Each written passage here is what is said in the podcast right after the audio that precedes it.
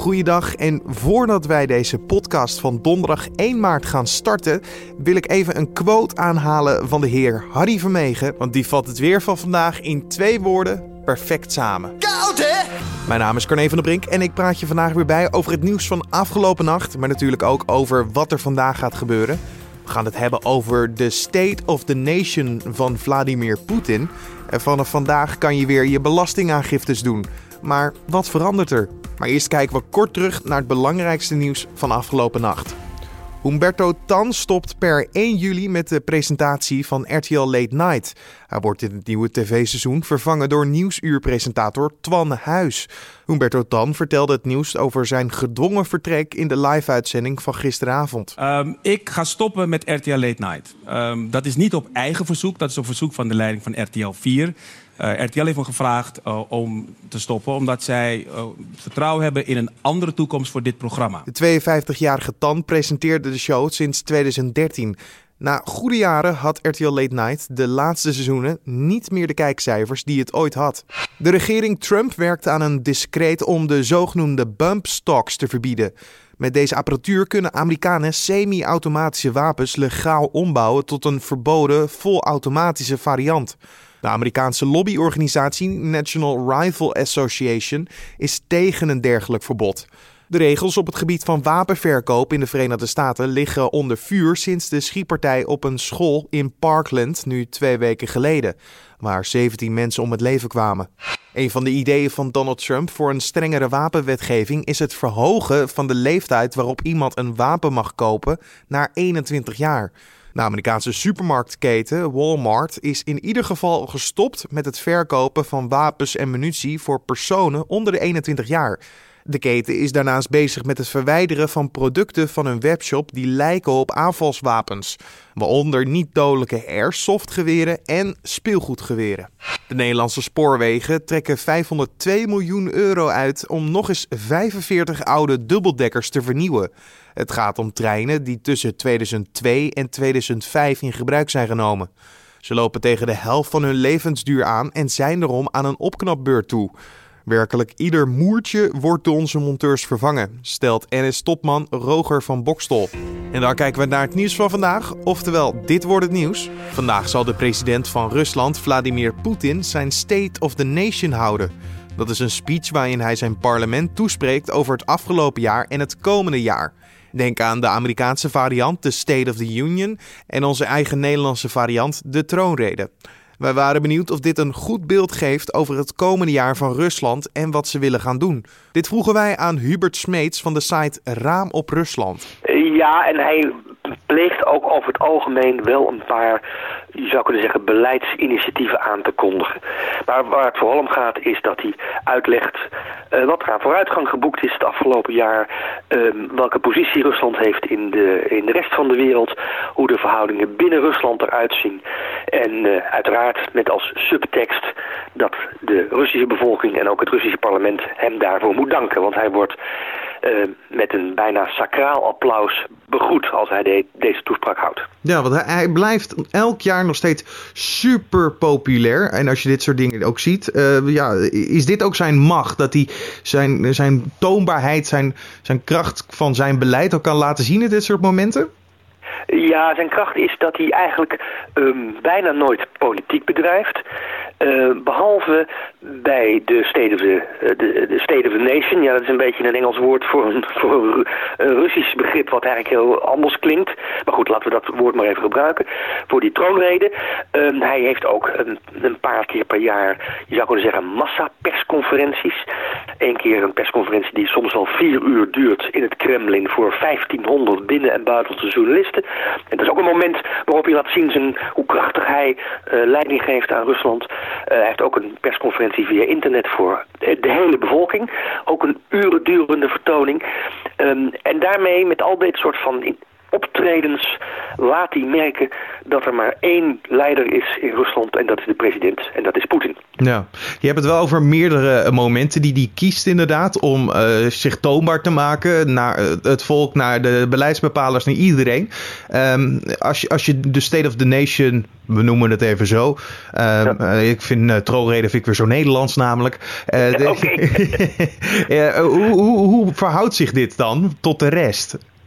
Nou, deze troonrede die zou hij altijd... Oh, nee, sorry, deze the Nation, neem me niet kwalijk. Hield hij de afgelopen tiental jaar, jaren eigenlijk altijd in december.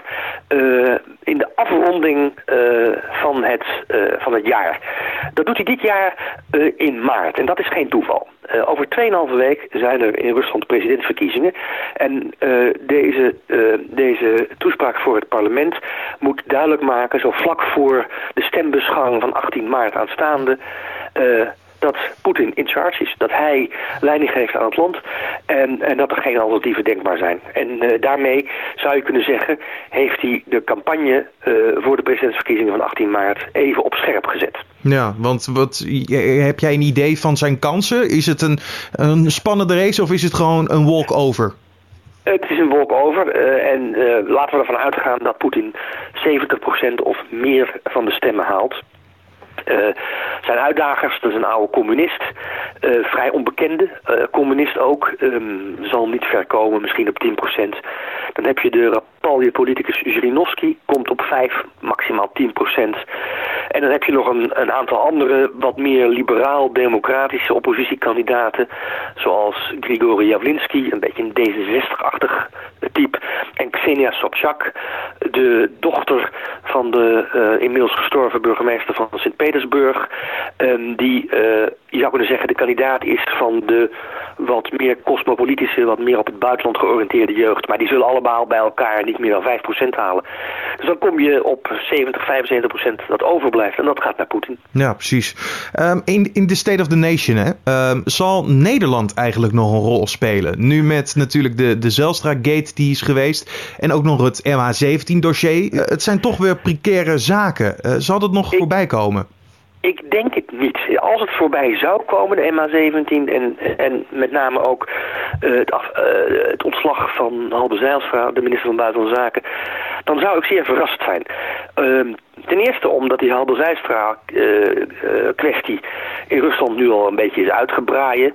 Die boter is wel uit de pan. en ten tweede omdat de MH17 ook in Rusland nu toch wel als een, als een, als een graad, uh, uh, graad in de keel is blijven steken. In Rusland zelf probeert, uh, proberen de Russische media en de, probeer, de Russische autoriteiten heel erg nadrukkelijk ehm, te beweren, te betogen dat het Nederlands onderzoek niet deugt. Dat het vooringenomen is en dat het daarop gericht is om Rusland de schuld te geven van uh, de vliegramp met de MH17. Maar buiten Rusland heeft, uh, hebben de Russische autoriteiten voor deze redenering ontzettend weinig steun. Dus ik denk niet dat ze dat zullen gaan oprakelen. Ik denk dat de State of the Nation van Poetin veel meer zal gaan over de successen die Rusland boekt in het Midden-Oosten ten opzichte en tegen Amerika. En dat de State of the Nation uh, voor een deel ook zal gaan. En daar heeft de minister van Buitenlandse Zaken gisteren al een kleine voorbode voor gegeven. Uh, zullen gaan over de agressie die ook vanuit Amerika komt. Lavrov heeft gisteren gezegd dat hij aanwijzingen heeft dat de Verenigde Staten Europa weer met, nieuwe kernwapens uh, willen gaan optuigen. En die kernwapens zijn louter en alleen gericht tegen Rusland. Dus als het buitenland aan de orde komt, dan zal, ik, zal dat meer aan de orde komen in deze zin. Successen van Rusland in Syrië en in het hele Midden-Oosten. En dreiging vanuit de NAVO en de Verenigde Staten. Je Hubert Smeets van Raam op Rusland. De leukste periode van het jaar gaat vandaag weer van start. Nee, niet de eerste dag van je vakantie of het genieten van een zomerfestival. Nee, het invullen van je belastingaangiftes. Dat kan namelijk vanaf vandaag weer. Dan is het natuurlijk altijd de vraag of je alles weer netjes hebt bijgewerkt en of je niet voor verrassingen komt te staan. Dit jaar gaan er wel een paar dingen veranderen. Wat die dingen zijn, kan onze economieredacteur Tamara Awad perfect uitleggen. Nou, een daarvan is uh, dat je bijvoorbeeld over een groter deel van je vermogen geen belasting hoeft te betalen. Dus eigenlijk de eerste 25.000 euro van je vermogen is vrijgesteld van belasting. En dat was bijvoorbeeld in het jaar hiervoor was dat nog uh, ruim 24.400 euro. Dus eigenlijk ja, hoef je minder belasting te betalen op je vermogen, dus dat is mooi. Um, bovendien berekent de belasting, de belasting over je vermogen ook nog op een andere manier. Het is eigenlijk een ingewikkeldere manier geworden. En zo kan de fiscus eigenlijk meer onderscheid maken tussen uh, het voordeel dat je hebt als je, met een kleiner vermogen en het voordeel dat je hebt met een groter vermogen. Verder verandert er ook iets voor mensen uh, die kinderalimentatie betalen.